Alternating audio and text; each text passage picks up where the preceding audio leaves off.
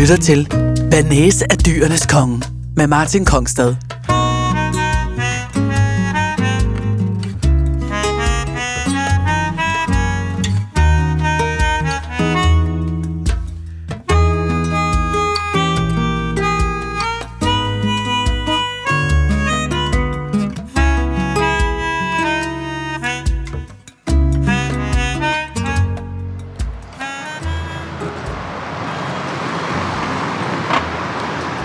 Er lidt scruffy her, hvor jeg står nu. Og ikke et sted, jeg nødvendigvis havde lyst til at gå, når det var mørkt. Der er en viadukt her. Toget kører, som I måske kan høre, lige over mit hoved. Plakater for undergrundskoncerter. Ja, det siger jeg, fordi jeg står et sted, der ser undergrundsagtigt ud. Der er fabriksbygninger nede for enden. Den gamle bymur. Mere tog. Scooter, biler, mennesker. En ejendom med vasketøj hængende ud over altanerne. Et nyere hus, det ser ud som om det er fra 90'erne.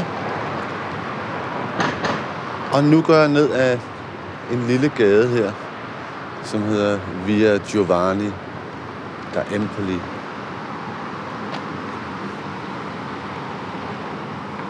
Hvad skal jeg her? Ja, jeg skal ind og besøge en dansk kvinde og hendes italienske mand. Sofie Wagner og Domenico. Som jeg for nøjagtigt to år siden besøgte i en anden del af byen. En lidt pænere del af byen, kan man sige. Nemlig Monteverde Vecchio. Hvor de to drev en hjemmerestaurant med plads til 12 mennesker i deres forholdsvis lille lejlighed. Nu har de taget skridtet videre og har åbnet en restaurant, som hedder Marigold. Og det er den, jeg skal ind og kigge nærmere på nu. Og tale med Sofie om, hvordan det er at åbne restaurant i Rom.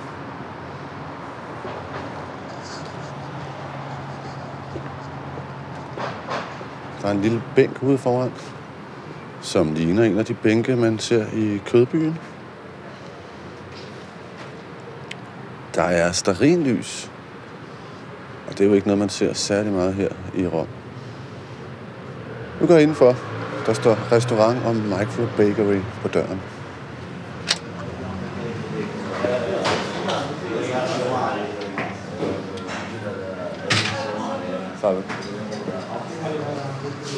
Ciao. Hej.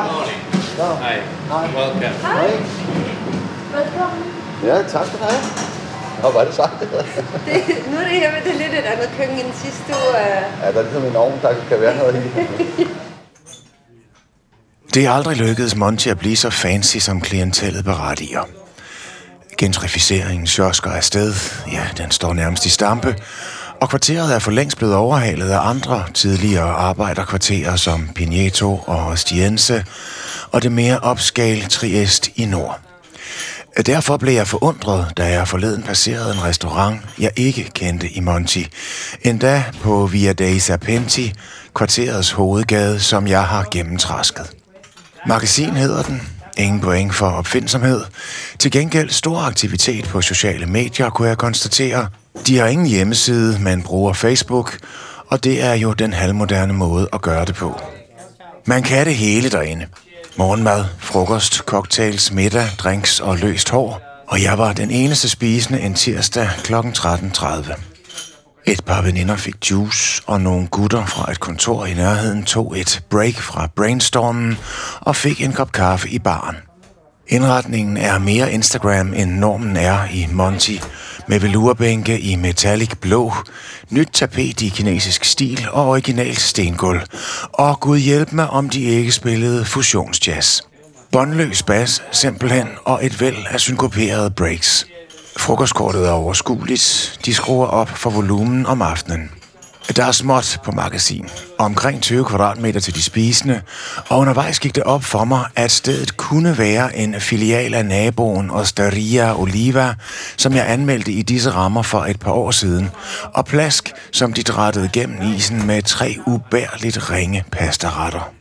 Skiltene var skrevet med identisk skrift, og indretningen lagt an til det botox-infuserede klientel, og der blev jeg bekymret, for jeg havde netop bestilt pasta. Nu var der slagbas i højtaleren. Så et umanerligt forudsigeligt tema og en guitar solo. Var det Larry Carlton? Pappardelle var hjemmelavet og glimrende kogt, og den brede pasta var vendt i en creme af græskar, pecorinoost og pistachienødder. Den kombination har en eller anden engang regnet ud og haft ret. Måske kokken derude. Klassisk italiensk madtankegang og gøre det så simpelt og virkningsfuldt. Det kunne jeg da lave derhjemme. Ja, det kunne du måske, men du kunne ikke få ideen. Fusionsjazzen gik ind i en insisterende fase. Hold da op, hvor de ville meget på én gang. Eller også ville de absolut ingenting og arbejdede stenhårdt på at skjule det. Og det passede skidt til retten foran mig, som var helt rolig og afklaret, og mest mindede om en vise med betragtninger fra et fint og nøjsomt liv. Meget oplevende pasta. Desværre kom jeg ned på jorden igen med hovedretten. Spicy pølse fra Sabina, smagt til med konjak, lød for fristende til at forbigå, og det var i det mindste et kvalificeret bud på årets no-nonsense-servering. To buttede pølser, skåret igennem på langs, var anrettet på tre bløde kartoffelbåde. Så er der mad. Pølserne var kødfulde, men pikante, det var de overhovedet ikke. Og jeg aner ikke, hvor de havde gjort af konjakken, men jeg ved med sikkerhed, at de ikke havde puttet den i pølserne. De smagte lidt af kød og mest af blejdomsvej. Konklusion. Jeg kan ikke rigtig bedømme magasin ud fra den præstation, for den svingede pendulagtigt fra noget nær eminent til ren nonsens. Og det sidste udelukker dem fra at komme med i Bernays af dyrenes konges store romguide, som udelukkende indlemmer de bedste klassiske og moderne romerske restauranter, og i anledning af denne udsendelse igen vil blive slået op på programmets Facebook-side. Magasin i Via dei Serpenti i Rom får karakteren 8. Hvad er det for et rum, vi er i her? Øh, jamen, det er vores... Øh, det her er jo selve restauranten, som vi står i, som, øh, som er et stort lokale. Da vi overtog lokalet, var det i virkeligheden det er sådan en gammel smykke juveler. Øh, man siger ikke atelier, man siger værksted. Øh, som var super lavloftet, og der var sådan nogle jernarmerede vægge, og, og, og rummet var delt op i, i flere lokaler faktisk. Så vi brugte øh, lang tid på at, at banke det hele ned, og så ligesom skabe et stort øh, lokale. Um, Okay, det lyder som om, det har kostet penge, for der er rigtig fint herude. ja, det, vi, vi, vi, valgte ligesom at, at, øh, at ville investere i og at finde et, et tomt lokale, mere eller mindre, som vi kunne, øh, som vi selv kunne forme, så det blev meget det, vi havde sådan gået og drømt om med de øh, kompromiser, der man nu skal igennem. Men i stedet for ligesom at finde en, en eksisterende restaurant, vi kunne banke lidt på. Så, øh, så ja, det, det har helt klart været en, været en investering. Så jeg, jeg havde hele tiden sådan en idé om, at vi skulle øh, skabe først og fremmest et sted, hvor at der var sådan en naturlig dagslys, øhm, og ikke, at det ikke var lyst op af sådan elektrisk lys, eller du ved, det var sådan noget sådan grotteagtigt. Det var vigtigt, at man ligesom fornemmer, hvad tid på dagen det er. Og så har det ligesom været mig, der mere eller mindre har været arkitekten på, på det her øh, sted, sammen med, sammen med nogle af vores gode venner. Øh, Hvor lang tid tog det jer at få bygget det her op fra det smykkested til sådan, som det ser ud nu? Vi skrev under på, vi fandt stedet for to år siden faktisk nu her, øhm, og så tog det et, et halvt år, før vi kunne skrive under på en kontrakt. Det gjorde vi dagen før min 40-års fødselsdag. Øhm, Hvorfor tog det et halvt år? Øhm, jamen, det er jo bare Rom, ikke? Det er jo sådan meget, meget kliché og, og klassiker Rom. Øh, for at du får mulighed for at komme over og se stedet, til at du kan komme over og se det igen, og så skal du vente på, at udlejer svare. Det var meget vigtigt for dem, at øh, det er sådan nogle forholdsvis, øh, lad os sige, velhavende, øh, sådan lidt personligheder i Rom. Så for dem var det først, først og fremmest meget vigtigt, at Altså dem, der ejer rundt? dem, der ejer øh, hele bygningen.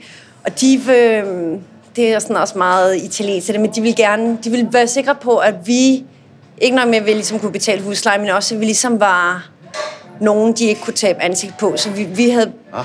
vi skulle ligesom, øh, hvad hedder det, demonstrere, at vi ligesom var noget.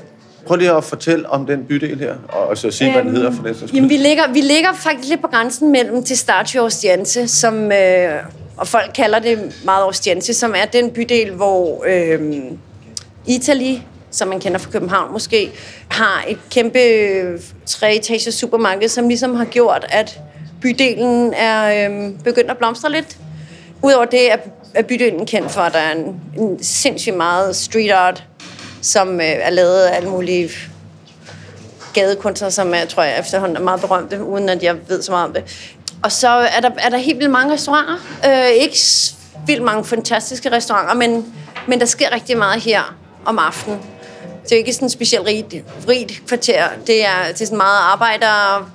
Øh, Testaccio, som ligger bagved her, er øh, det gamle, den gamle kødby, øh, som er, er blevet lukket ned og kunne være et fuldstændig fantastisk kreativt område. Det er sådan lidt svært ved at, at transformere det ind til, tror jeg, på grund af byråkrati og mm. at der ikke rigtig er penge til det i, øh, i kommunen. Ja, det er faktisk et kvarter, som på en måde altså, sover lidt mere, end man skulle regne med, synes jeg. Altså, det, er, det, det burde nemlig være det nye. Altså, nu, nu bor jeg næsten altid i Monti, som er ligesom er blevet, øh, hvad skal vi sige, det kreative, øh, velhavendes bydel. Ja. Og jeg synes, det lå i kortene, at øh, den næste, der skulle blive ramt af det, var Testaccio. Men det, det er ligesom, om der ikke rigtig sker noget. Jamen, det er, sådan, det, er, jo- det er jo meget sådan, det er i Rom, at det, tingene... Det tager virkelig lang tid for ting at rykke, og for, for sådan trends at bide fast, eller... Altså, det er sådan noget, der sker... Det er noget, man snakker om i mange, mange år, også lang tid før, jeg tror, jeg flyttede hertil, men, men det er hipt at bo i Testaccio. Okay. Det er også dyrt, men der bor også stadigvæk mange af de sådan ægte indbyggere, hvilket også gør det en enormt spændende bydel, fordi den ikke sådan er blevet... Monti er jo blevet det, man kalder det nye Trastevere, øh, som, som på et eller andet tidspunkt om nogle år bliver over turister, ikke? Og det er jo det, der sker med, at, du ved, at nu er det cool, og, og det er der, man skal være, og så lige pludselig så rykker turismen ligesom ind, ikke? Skulle der ikke søges en masse tilladelser, tror jeg forestille mig? Skulle der ikke skrives en masse jo, under helt før? vildt, helt vildt. Og vi, vi var jo sådan, vi havde jo taget et første skridt sådan for fire, fire år siden, hvor vi havde fundet et lokale inde i, i, sådan i den historiske centrum, hvor vi var hvor vi arbejdede, samarbejdede med en ingeniør, som vi kendte på forhånd. Og det viser så, at han ligesom fik lullet os lidt ind i et projekt, som var som ikke var, var bæredygtigt. Øhm, så han blev vi nødt til ligesom at øh, smide på porten. Det vil frem til, ligesom, at det handler om at finde nogen, du kan samarbejde med, som du kan stole på. Og det er jo virkelig en kunst i den her by. At finde en ingeniør eller en arkitekt, som ved, hvordan systemet fungerer, og som kan hjælpe dig med at, at få søgt alle de tilladelser, bygtilladelser, og søge om øh, restaurationslicens og så videre. Så vi var igennem to ingeniører, som vi måtte ligesom fyre i hele den her proces. Og så fandt vi faktisk en, øh, en, øh, en fyr, som øh, har gang i en rigtig god øh, forretning og øh, tager en masse store projekter ind. Og vi fik sådan f- f- fundet ham via nogen, vi kender, og, øh, og det, var- vi var ligesom meget små i forhold til de projekter, han normalt laver, men han synes, han var, jeg tror ligesom, han var grebet meget af den der øh, passion og energi, vi kom med, så han var, han var helt klar øh, på at, at, at skabe det her sted sammen med os. Og jeg kunne bare mærke med det samme, at, du ved, at han gjorde sin del af arbejdet. Så jeg ligesom kunne koncentrere mig om at tænke i, hvordan kan vi ligesom skabe det her øh, sted. Først og fremmest, hvordan skal det se ud, og så sammen med Dominik om, hvad, hvad der efterfølgende skal komme. Øhm, og så havde han så også en, øh, en håndværker, som ligesom blev ham, der var ansvarlig for byggeriet i sig selv, som, som jeg arbejdede rigtig godt sammen med, som ligesom kunne det der sådan helt grundlæggende håndværk, og kom ligesom og fortalte mig, okay, den skal være den farve, og det skal være sådan, og vi skal have taget den her mur ned og sådan noget. Så det var meget mig og den håndværker der, som i virkeligheden var hernede hver dag i, i et år, og ligesom han fik sat det i værk og fandt nogle af sine gutter til at komme og, og, og lave det. Og så havde vi ingeniøren til ligesom at... Tog det et år? To og et halvt år. Okay. To og et halvt år. Øh, fra vi skrev underskrev til kontrakten til... Øh, det var den 13. juni 2018. Og så åbnede vi den 8. december 2018. Man skal som udgangspunkt ikke spise Michelin-stjernemad i Rom. Det har jeg lært. Senest ved at spise på et stjernet Bistro 64, som skuffede fælt. Alligevel fandt jeg mig selv reservere et bord på Idylio, som i den nyeste version af den røde guide fik en stjerne efter bare 6 måneders levetid. Menuen så god ud, og chefkok Francesco Apreda fremstod sympatisk på fotos.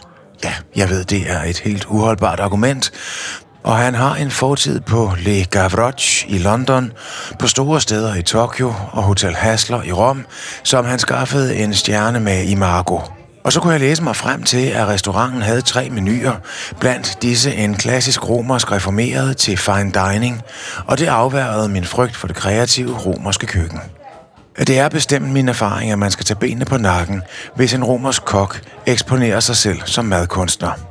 Idylio ligger i det voldsomt eksklusive Hotel Pantheon Iconic midt i centro, og man har brugt penge, lad mig sige det sådan.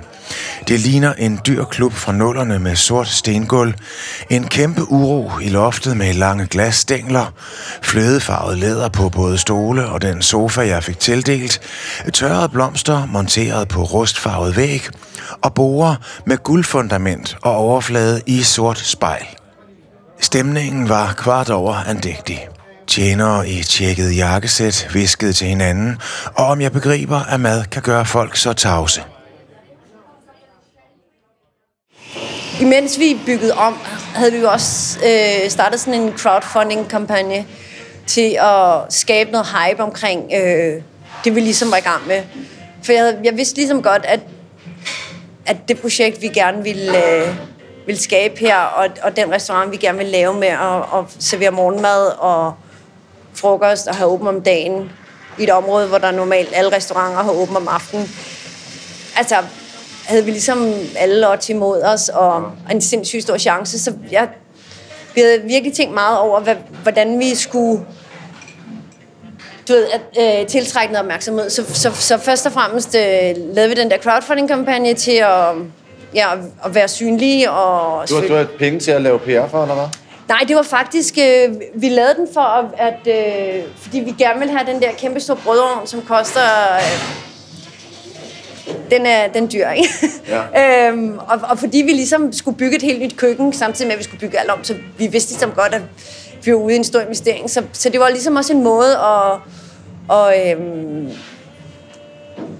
at tage folk med ind i vores projekt, og samtidig få noget tilbage. Men altså, du ved, når man donerer til vores projekt, så, så gav vi så samtidig også øh, noget tilbage i forhold efter, hvor meget du, du, du bidrog med. Så, øh, Og det vil sige, at man allerede på den måde, eller I allerede på den måde skabte en kundekreds, ja. kan man sige. Og så havde vi så allerede en, en forholdsvis stor og meget lojal kundekreds for, for de middage der, vi, vi havde haft hjemme hos os selv. Øh, så på den måde startede vi jo ikke helt fra nul. Og jeg prøvede at være meget aktiv på sociale medier i, i det halve år, vi ligesom øh, byggede om.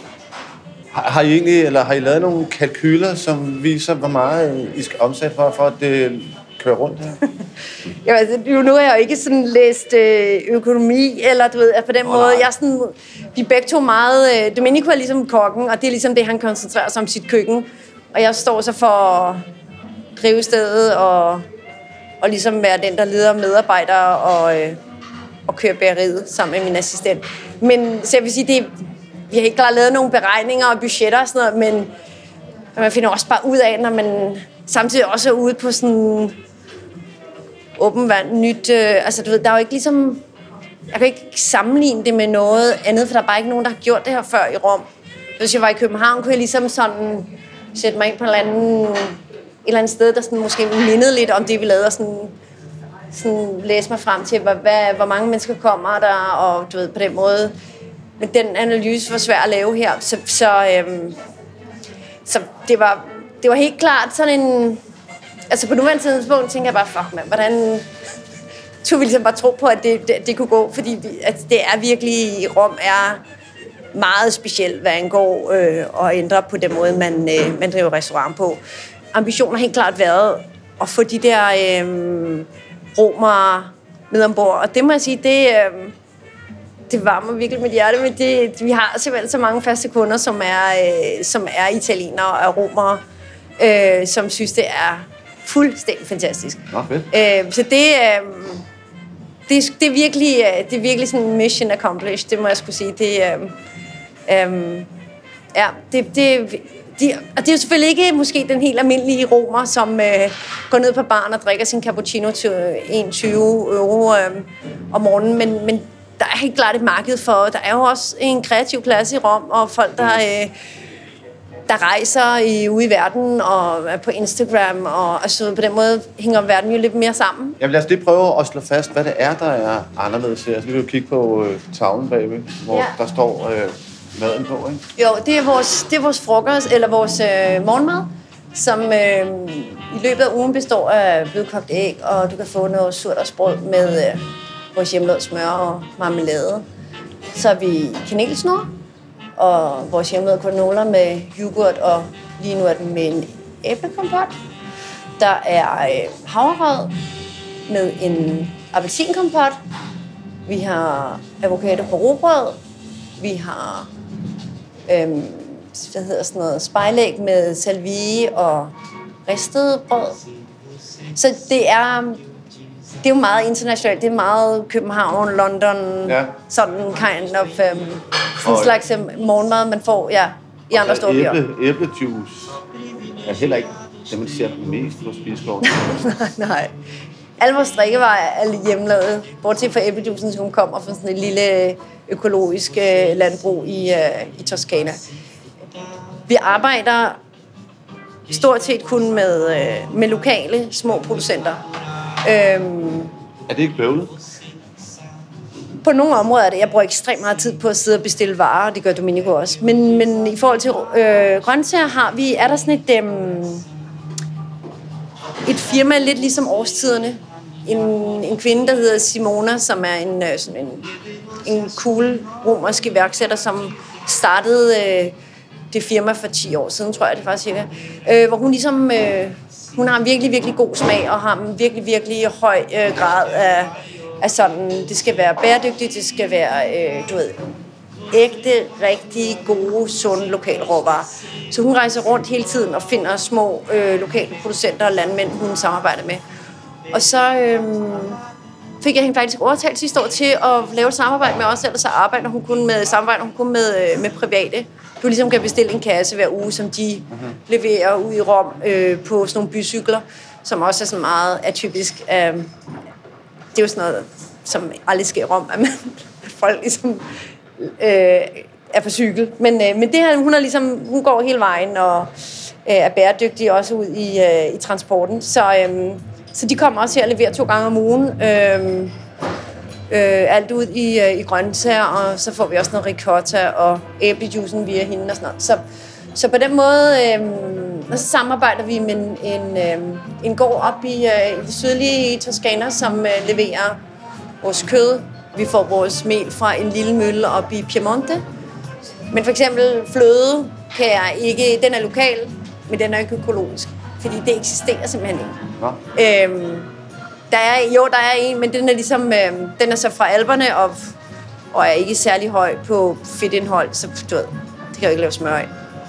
Men ellers, ja, vi bruger meget, meget energi og, og kræfter på at, at finde de rigtige samarbejdspartnere. Og, og, og hvor ofte er der åbent om aftenen? To aftener om ugen. Okay.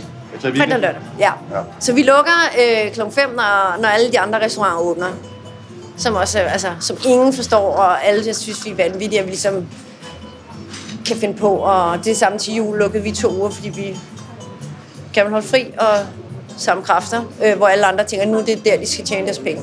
Ja. Men øh, jeg tror på, det er vigtigt, at man ligesom går med den... Øh, med, den, øh, med det, der føles rigtigt for mig, og ikke sådan hele tiden læse ud i, hvad, hvad vil folk gerne have, og hvordan skal vi... Altså, det, det, det er os, der sætter dagsordenen, og, øh, og så længe vi, vi gør et godt stykke arbejde, så, så tror jeg på, at folk øh, også gerne vil os. Jeg fik bord i det ene hjørne af det 150 kvadratmeter store rum, og i det andet sad en kvinde med blondt tilbageskrabet hår, sorte designerbriller og sort cashmere rullekrave. Hun var i et forfærdeligt skidt humør. Hendes udstråling var et par grader koldere end Anna Wintour fra Vogue, og jeg spidsede ører for at opfange, hvad hun udgød i den iPhone. At til mit held hævede hun stemmen på et tidspunkt, for jeg hørte hende sige, Well, call the doctor then. Så lagde hun på og kiggede lige ind i væggen, og netop da bestilte jeg et glas Franciacorta 1701, som gerne ville være italiensk champagne, eksponeret som sådan i næsen og smagte af alt for lidt. Min menu var døbt Inside the Pantheon og bestod af seks retter til 120 euro. Og 150 kroner per ret er ret imødekommende, når man taler Michelin. Vinmenuen omfattede fire glas og kostede 60, eller lidt over en hund per glas. Også forholdsvis rimeligt, og nu begyndte et større snackcirkus. De fem første bidder blev anbragt på kunstfærdige små forhøjninger, som var de diamanter og rubiner, og den søde kvindelige tjener gjorde sig umage med at fortælle nøjagtigt, i hvilken rækkefølge de skulle indtages. Den lille bolle smagte rent og voldsomt af god sort oliven, og skefulden med oksehale smagte også af sig selv og viste, at køkkenet kunne trække smag frem. Den med rødselleri var kedelig, de sidste to har jeg glemt, og det er deres egen skyld. En fyr omkring 30 fik plads ved nabobordet. En rimands søn, det tør jeg godt påstå. Dyr sweatshirt, Balenciaga sneakers, kunstfærdig bundet tørklæde, og så arrogant og træt af alt og alle, at han næsten ikke kunne holde øjnene åbne. Alt bestik på stedet er specialdesignet, og man lagde højtidligt en besynderligt brednæbet smørkniv af en opsats.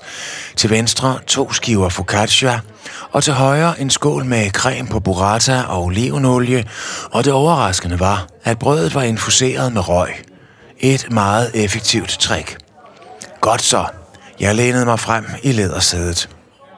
De to små kødboller i tomatiseret bouillon var en gave fra kokken, blev jeg fortalt. Og det var tæt kød og klar tomat, og endnu et bevis på køkkenets evne til at tone rent, og så kom den første vin i glasset. Baglio del Cristo di Campobello fra Adencia 2018. De har entreret med en avanceret glasproducent på Idylio. Aftenen igennem fik jeg det ene ultraspinkle glas efter det andet, og det var i sig selv en oplevelse. Vinen havde forbløffende stor modenhed, sin unge alder til trods, med kornet dybde, dæmpet frugt og fin mineralsk stringens, et fornemt glas vin, som skulle følge en overvældende anretning. Smukt lagt an med et væld af farver fra blandt andet spiselige blomster og forfriskende hardcore smag. Nederst tynde skiver af rå ansjos, derpå forskellige grønt og en sauce på mandelmælk og kartoffel og creme af søpindsvin, som satte dagsordenen med sin voldsomme havsmag. En udfordrende ret, som ikke forsøgte at ramme middle of the road, og den risikovillighed er der masser af pluspoint for herfra. Rent 11-tal. Men nu står vi inde i, i restaurantrummet, og Ja. det har vi jo talt om, ikke? Smukt, øh, højloftet, lyst lokale med sådan øh, moderne, moderne udseende, vil jeg sige. Og, og, nogen, og, og mange vil nok sige, stort set alle vil nok sige sådan nordisk Ja, udtryk. ja, det er fordi, der er meget tror jeg. Jo, og så er det meget og, minimalistisk. Og så er der levende, og, levende lys der, det ser man jo ikke rundt. Nej, det er rigtigt. Øh, og det er også derfor, mange folk har lyst til at komme her, fordi de synes, det er alt det der hygge, som er blevet meget hypet ud i verden. Um, det synes de også er virkelig fantastisk hernede. Det, Jeg, jeg så ordet hygge stå i to guides, hvor de omtalte jer. ja, ja, ja, er det jeg har det virkelig stramt med det ud Nej, nej, det, det er Altså, det er virkelig stramt. Jeg har virkelig, virkelig stramt med det der ord, ikke? Det er Øh. Ja, det er virkelig irriterende. Og så, så har jeg det... Altså, grunden til, at jeg, jeg så mange folk kommer ligesom og, og gerne vil sætte sådan en markat på, hvad vi er, og så det er meget sådan, vi er en dansk restaurant, vi er en nordisk restaurant. Altså, det er vi virkelig ikke. Jeg er dansk. Domenico for Calabrien. Vi har en restaurant i Rom. Vi bruger lokale råvarer. Øhm, alle vores Ja, for maden er vel ikke, altså den mad, som han laver, er vel ikke specielt, den er vel ikke nordisk? vel? Nej, altså der er helt klart måske sådan en, øh, en minimalisme i sådan udtrykket, som han... Så vi har også fået sådan en tasting menu på, som var det, vi lavede hjemme hos os selv. Øhm, men sådan ser det ud om aftenen, når vi har åbent. Og det er øh, det, de første tre, fire retter. Øh, det er jo grøntsagsretter, det hele. Ja, Eller hvad? der er rigtig meget grøntsager. Der er som regel to til tre, øh, to til tre øh, retter med kød. Øhm, vi har svært ved at finde en, øh, en fiskehandler, som har kvalitetsprodukter, produkter, som vi ligesom, som er bæredygtigt, som ikke er noget, der er opdræt. Eller, Nå. øhm, så indtil vi ligesom har fundet nogen, vi har lyst til at samarbejde med, så, så er der ikke så meget fisk på. Så det, vi er sådan meget, på den måde går vi ikke så meget på kompromis med det, så tænker vi, så er det bedre bare at, at køre med, øhm, med noget andet. Så der er altid en, der er for eksempel altid en pasta på. Så på den måde kan man sige, der er vi jo ret italienske.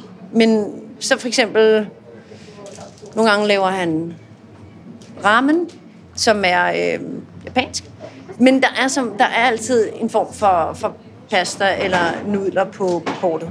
Hvordan Øh. går jeres aftener, de der fredag lørdag? Det er, er sikkert sværere, ikke? Gætte. Jo, det, det, det er svært, fordi folk ligesom... Vi, vi, uden vi ligesom har gjort så meget, så er vi ligesom blevet meget, meget, meget kendte for vores brunch i weekenden. Som vi har, fordi... Altså, jeg hader ordet brunch, men øhm, jeg tænkte, hvis jeg kalder det morgenmad, så... Øhm, Det hedder brunch, der er ikke noget at gøre. der er ikke så meget at gøre ved det, vel? Og der er ligesom ikke nogen i Rom, der laver en god brunch. Det, normalt er det sådan, de steder, der gør det, de serverer pasta kl. 11 om formiddagen. Og det er jo ikke ligesom det, folk vil have. Folk vil gerne have noget, der sådan... Øh, som man kender fra en hver anden brunch-menu øh, på en eller anden international øh, morgenmadsted. Øh, og det har vi så formået ligesom at lave en, en menu, som folk øh, synes er fantastisk. Så i weekenden står folk i kø for at komme herind til brunch. Altså om søndagen, selvom det regner, så står folk i kø ude foran. Okay. Øhm, så det, det er en flyvende succes, så det kan vi ikke rigtig røre noget ved. Og det er fint, det skal bare være der.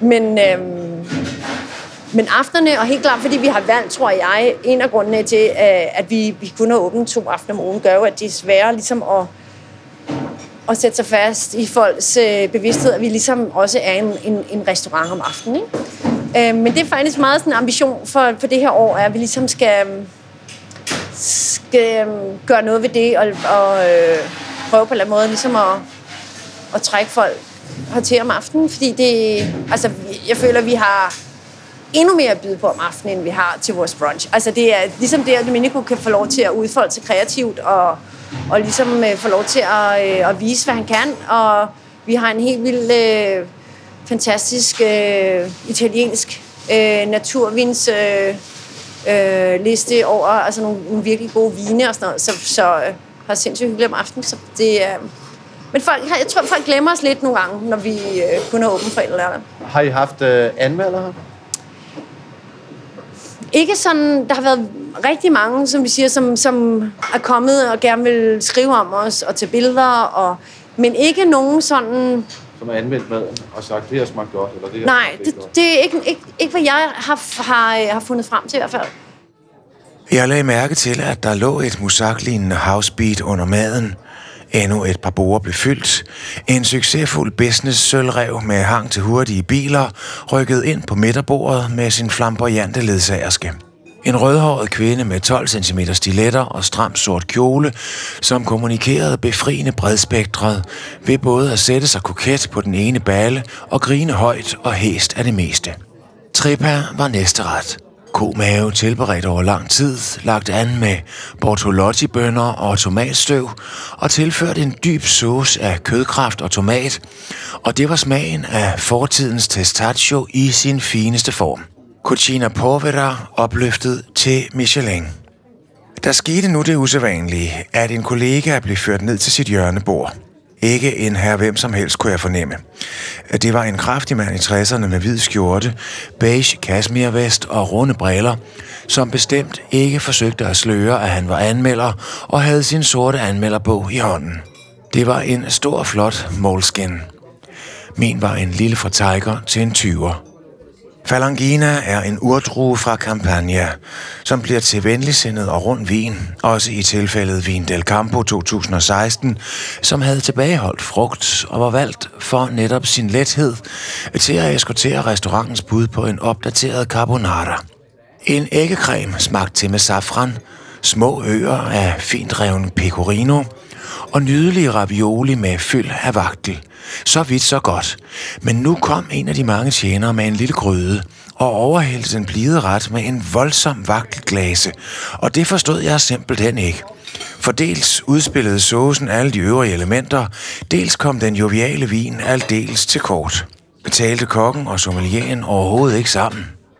De taler meget om maden på Idylio, og jeg kender ikke et menneske, som har brug for at få oplyst samtlige ingredienser i en ret. Ved nabobordet talte tjeneren fem minutter om et diminutivt stykke for gras, og den arrogante undgik øjenkontakt og sagde ingenting overhovedet. Ikke så meget som et nik kunne han mønstre.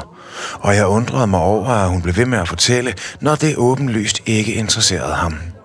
Den træne anmelder i hjørnet havde sat servietten fast i skjortekraven, griflede i sin moleskin og kiggede op til højre for at hente den rigtige vending fra det høje.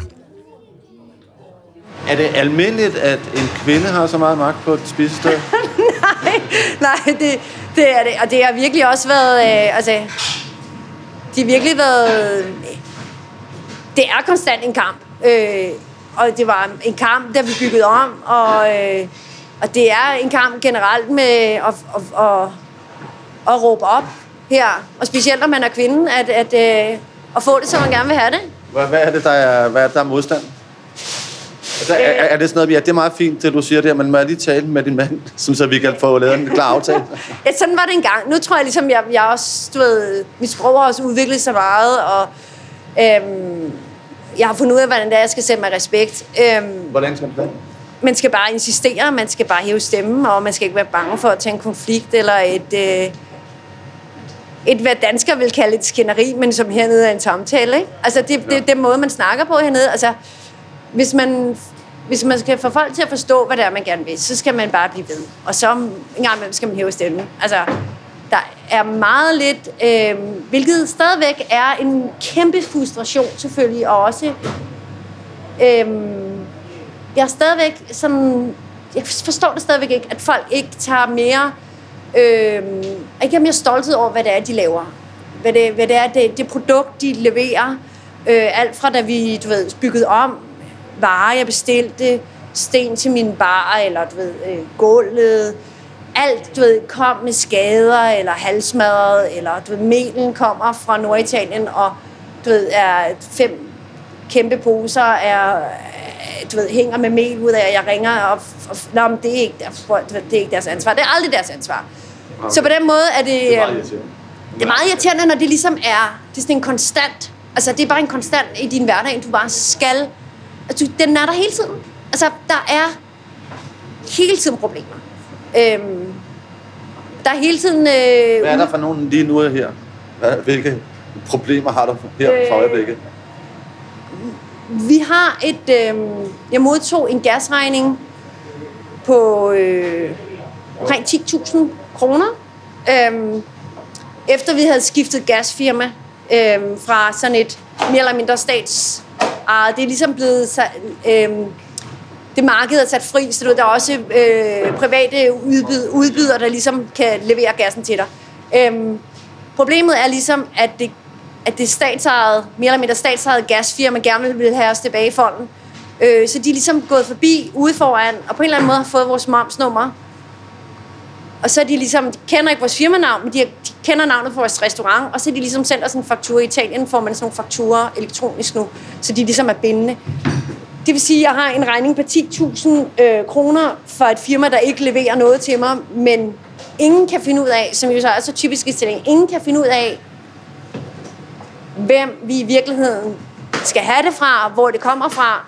Det er sådan ekstrem, at jeg i sidste uge fik at vide, at det firma, der skal levere gassen til mig, øh, at jeg bliver nødt til at politianmelde det der gasfirma, for at vi på, ja, for, for at vi på nogen måde kan komme videre. For eller hvis ikke jeg har den her politianmeldelse i hånden, så kan det stikke helt af, og vi skal i retten og alt muligt. Hvor jeg, har den, altså, jeg har ikke gjort ingenting. Men du ved, så på den måde, så... så øhm, og, og, og det, det vildeste er, at der er aldrig nogen, der ved noget. Der er ingen, der, der, der, er ingen, der kan finde frem til lige meget, hvor meget de, de søger og leder. Så, du ved, så er der bare ingen svar på det. Og det, det, det er sådan nogle konstante øh, stressfaktorer, som gør, at du aldrig rigtig kan vide dig sikker. Øh, Du ved ikke, hvad der kommer i morgen. Du ved, det, det, er, øh, det er meget ekstremt. Øh, ja. Hvad, hvad med sådan noget øh, micromanagement? Altså, skal man... Okay, nu lyder det meget generaliserende. Det bliver nok. Øh, skal man sige tingene øh, mange gange og helt ned i de mindste Ja. detaljer, for at det bliver udført sådan, som man kunne ønske sig, at det blev? Heldigvis ikke med mine medarbejdere. Altså, de, øh, Men når, når du, de når tager du, ligesom bare deres eget lead, øh, hvilket er fuldstændig vidunderligt. Men lige så snart jeg, jeg, øh, jeg har med nogen at gøre uden for, for min egen restaurant, så, øh, så er det, altså, så skal du være, du ved, leveringer, som bliver leveret til, til et firma længere ned ad vejen, som så tager imod leveringen, øh, og, og så sker der bare ikke noget, for jeg ringer, hvor, hvor, hvor min vare hen efter to uger?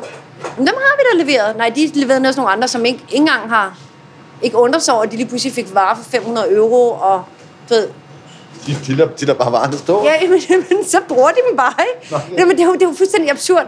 Øhm, så på den måde, der er rigtig meget af det der, hvor man hele tiden skal kontrollere dobbelttjek, og så mangler der noget, så skal du huske på, at næste gang, og altså, og det gør jo bare, at det er et konstant kaos. Og jeg er, altså når det handler om forretning, så, så skal det bare ikke være kaos, fordi så overlever du ikke. Og specielt ikke i et land som det her, hvor der er sindssygt mange uforudsete udgifter og sindssygt høje lønninger til medarbejdere, der får meget lidt i løn, men staten tager simpelthen så mange afgifter og skatter, at, øh, at det koster afsindig meget. Øhm, så på den måde skal du, du skal hele tiden være på vagt, og du skal, øhm, og hvis ikke du ligesom dobbelt-tjekker, dobbelt-tjekker, dobbelt, altså, så, så, øh, så ender det bare med, at, at det ikke løber rundt. Men det, det er nok svært sådan helt at... Jeg tror, det er svært ligesom at forklare, og måske også at sætte sig ind i, hvor ekstremt utjekkede, altså uprofessionelle folk, der har et firma generelt der er hernede. Altså, det, altså, det bliver bare kørt på den mest lade måde. Men indtil at Paolo, som er min assistent, han kom for fire måneder siden, så stod jeg selv herinde i øh, alt for mange timer hver dag. 10 timer hver dag, plus jeg samtidig skulle drive en virksomhed. Det var voldsomt presset. Altså, jeg, det var virkelig alt for meget. Øhm, det, det, det gik ikke så godt. Eller, det gik, men, øh, men, men, men jeg kunne mærke, at det skulle man ikke gøre alt for længe. Jeg er hernede fra klokken 6 om morgenen til klokken 6 om aftenen. Det er 12 timer. Øhm, Hver dag. Ja, mandag er jeg begyndt at kunne holde fri nu, altså fordi vi har lukket mandagen, men indtil for nylig var der altid noget, der skulle laves, men den har jeg ligesom valgt nu, at det bliver simpelthen nødt til at holde fri. Så Domenico, så jeg har faktisk ikke om aftenen de to dage, vi har åbent. Det er Domenico, der, øh, der kører det sammen med vores medarbejdere. Så, så du har faktisk fri fredag og lørdag. Ja, Det var også fordi... de andre aftener, kan man sige. Ja, øh, men det er også fordi, vi har en datter, og hun øh, skulle også helst have lidt, øh, have lidt tid med nogen, så hun ikke altid skal være min barnpige. Jeg fik endnu et spektakulært glas. La Père Gros Manseng 2017 fra Jurancon, som havde frembrusende frugt og syre, og som udviklede sig sherry-lignende og stoppede bræt. Et lille stativ blev opsat en meter fra bordet. En tjener stillede tallerkenen derpå. En anden tog retten og placerede den foran mig. Det var en risotto smagt til med smagskomponenterne fra cacio e pepe, peber og pecorino. Nederst i den flotte dybe tallerken var et blend af flere slags peber og sesamolie, og risottoen var cremet hensides det paradisiske. Risene havde stadig et lille saftigt bid, og tilsmagningen var ikke af denne verden. Det er den bedste risotto, jeg har smagt, og der er langt ned til nummer to. Og der er ingen tvivl om, at den havner på listen over årets bedste retter. Vinen var malplaceret og forstyrrede oplevelsen, så den fik lov at stå. Det tykke dyr af en anmelder åd på livet løs i sit hjørne. Ah, hvor var han dog sulten. Hovedretten var kylling, og der skal noget til, før den er berettiget på en Michelin-menu. Man stillede fadet på stativet og gik i gang med at trangere. Det var en usædvanlig klein kylling, og til gengæld fik jeg det hele bredt ud over en tallerken med smørkogt kartoffel som eneste tilbehør. Den havde marineret i paprika, fortalte de, og var smurt med teriyaki. Skinnet var eksemplarisk sprødt, og hvordan i alverden de havde fået kødet så blødt og saftigt, selv brystkødet glinsede. Den smagte forrygende, og jeg kaldte tjeneren hen for at få hemmeligheden at vide. Den havde marineret i fem dage. Var kogt i kortere tid, taget op af gryden og var sænket ned i isvand. Kogt en gang til, mere isvand og ristet sprød i ovnen på 450 grader. Jeg spiste rup og stup. Alt. Nu kom selveste chefkokken ind for at hilse på den smelfede anmelder. De havde et moment med god snak og overgiven latter, og jeg tog mig selv i at sidde og bane ud over lædersofaen. Så kom en prædessert, som det hedder. Og det var en nordisk inspireret sorbet på æble og basilikum, som skulle varme op til den rigtige dessert. Samosa med fyld af dadler og koriander, og en knaldgrøn is på koriander. Fyldet i samosaen var meget syrligt. Måske var dadlerne fermenterede, og den voldsomt parfumerede is havde måske været en god idé på papiret. To fjendtligsindede, som ikke havde det fjerneste at fortælle hinanden, og hvis jeg skal sige noget godt om den dessert, så kunne det være, at den var meget konsekvent mislykket. Jeg kunne godt tænke mig, at du fortalte om nogle af de stamkunder, som I har fået her til første år. Ja.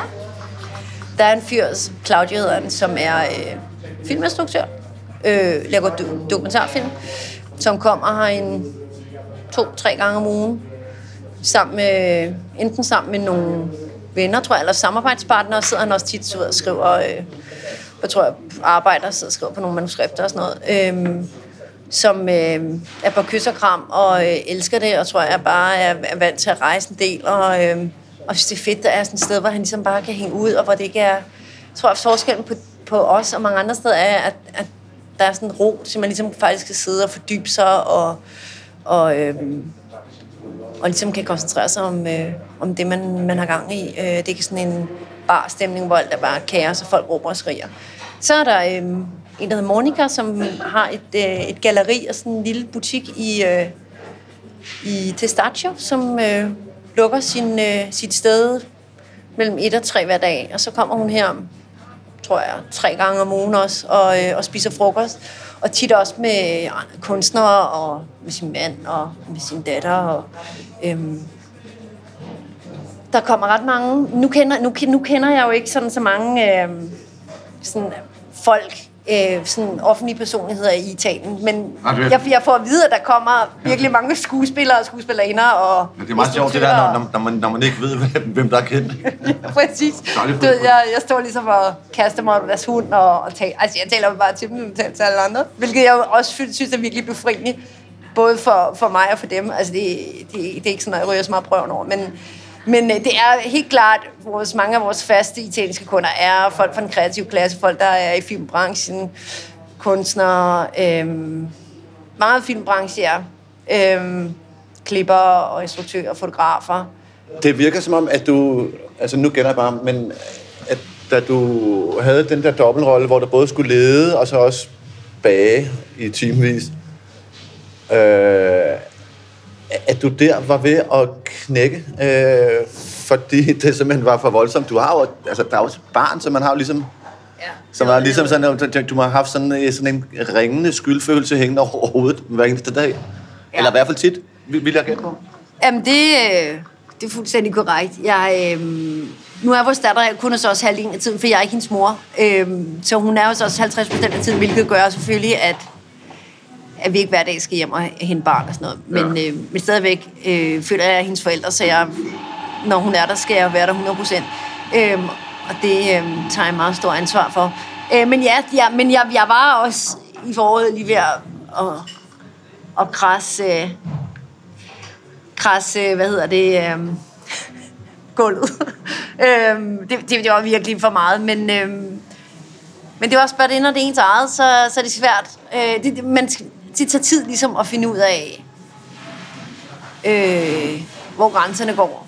Ikke? Altså, fordi inde i hovedet kan man jo bare blive ved og blive ved og blive ved, og det er aldrig godt nok, og man, altså, det bliver jo sådan en, øh, det bliver sådan lidt en sindssyg, ikke? Fordi man, øh, fordi man har et kæmpe stort ansvar, og man, man, vil altid gerne performe det bedste. Øhm, så, øhm, så det var helt klart en periode usundt, men jeg tror også, det er en periode, man nok skal igennem, når man øh, starter sin egen virksomhed. Øh, Vil så- du, egentlig, vil, vil du egentlig, hvis der nu kom, lad os nu sige, der kom øh, et par fra Hillerød herind og sagde, at de var taget til Rom, fordi de gik og overvejede at åbne en restaurant. Vil du så sige go, eller vil du sige, prøv lige at tænke over det en Øh, ekstra gang? Men, men sådan nogle mennesker har der været, måske ikke lige fra Hillerød eller fra Danmark, men vi har helt klart været folk, der siger, at de er blevet super inspireret af det, vi har haft gang i, og, og øh, det var nogle amerikanere, som skulle flytte til Mexico og åbne en restaurant og sådan noget, og også for et par ligesom os, øh, har vi skændtes utrolig meget, når de var i køkkenet, så sagde jeg, øhm, Hvad for noget siger du? de skændes utrolig meget, når de, når de har samarbejdet. Det er ikke så, det bedste så, nej, så det, I skal, I, men det, det bliver kun værre med tiden i forhold til, at man, altså, hvad, hvad man ligesom skal tage beslutninger om sammen. Så man, det er meget godt ligesom at have, have, have nogle, nogle roller på plads, før man kaster sig ud i det der... Øh. Jeg ved ikke, om jeg vil sige, at, at, at, at man ikke skulle gøre det. Jeg vil bare sige, at man, øh, man skulle gøre sit forarbejde øh, i forhold til... Øh, og finde ud af også, hvorfor en rolle man selv skal spille, og øh, hvis man gør det sammen med sin partner måske, som jeg har gjort det, så jeg vil sige, at de fem år, vi holdt den, øh, havde den pop-up restaurant hjemme hos os selv, har virkelig, virkelig været et fantastisk forarbejde, fordi vi ligesom har kunne pusse vores øh, roller og positioner i forhold til hinanden, hvad, hvem, hvem skal sørge for hvad, hvem skal stå for hvad, så man ikke lige pludselig oven i alt det andet kaos, som kommer med at åbne en restaurant, øh, og skal begynde at, at finde ud af det, fordi så klarer man det ikke. Ja, fordi I er jo sammen, altså I må være sammen stort set alle døgnets vågne timer, ikke? Og, Ja. og, og, og det er altså en, det er altså en del år, I har været der. Det er i hvert fald særligt efter, Ja. I åbnede det her, så må det have været ret hæftigt. Altså, hvordan fanden kan I holde det ud? Øh, jamen, jeg vil sige, den primære årsag er helt klart, at vi, øh, at vi ikke diskuterer, hvem skal tage hvilke beslutninger. Altså, jeg er helt klart nok øh, sådan født mere en, øh, en ledertype, ikke? Jamen, du Øh, som bossen her. Ja, det, Det gør du. også. ja, det tror jeg, at Domenico har det virkelig fint med. Øh, så længe jeg ikke blander mig i, hvad han har gang i. Ja. Det kan vi, vi skal vi diskutere øh, helt klart menuen, og jeg har holdninger til den, men det er ham, der er køkkenchef, og det er ham, der øh, leder sin kokke, og, øh, og den del af det er helt klart hans. Øh, han bestiller sin råvarer, og det han, det han skal bruge, og, øh, og så er han helt klart med ind over på mange af de øh, ting, jeg har gang i, men... Øh, som er mindre det er noget, og han føler, at det er noget, der er ved at køre fuldstændig ud over kanten, så, øh, så er det ikke noget, man sådan skal blande sig i hos hinanden. Øh, og det tror jeg, at vi på en eller anden måde... Øh, uden det, det er meget sådan, tror jeg, uudtalt, men vi har meget stor respekt for sådan, hvad vi begge to laver, og øh, stoler på, at øh, det kan vi sagtens finde ud af. Så jeg vil sige, det er helt klart nøglen til, at det her det fungerer.